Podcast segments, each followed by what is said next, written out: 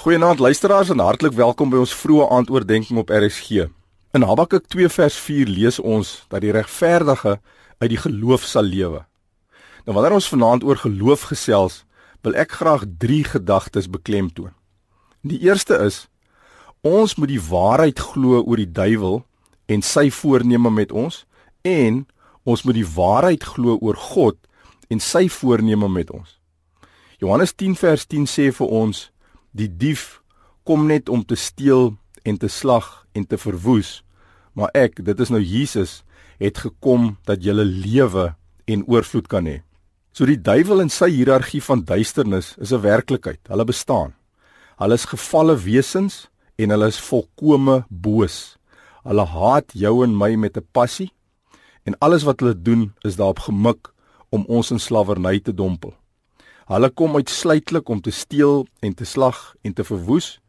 En Satan is daarop uit om ons hoop, verwagting, gesondheid, voorspoed, ons oorvloed, ons harmonie, ons vrede en ons vreugde te steel. Maar die goeie nuus is egter dat Jesus Satan aan die kruis finaal verslaan het en hom gestroop het van al sy range, titels en autoriteit. God daarenteen is volkome goed en hy is oneindig lief vir jou en my. En alles wat Jesus kom doen het, was juis om ons vry te maak van die juke van die vyand. Jesus sê vir ons, sy juk is sag en sy las is lig.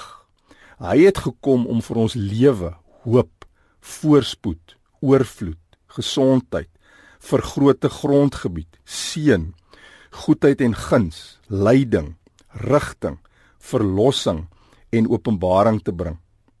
Tweedens moet ons glo dat ons aan God behoort en nie aan die vyand nie.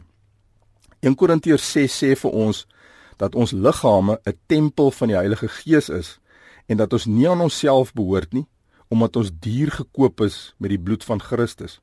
So ons het die volste reg om die vyand te beveel om sy hande van ons af te hou want ons is gekoop met die kosbare bloed van die lam. Ons is gevul met die Heilige Gees en ons is God se eiendom. So die vyand het geen reg om ons te intimideer of te ontwrig nie. En dan derdens, ons moet glo dat God lief is vir ons en dat hy ons beste belange op die hart dra. En dis presies wat hy vir ons in 3 Johannes 2 sê.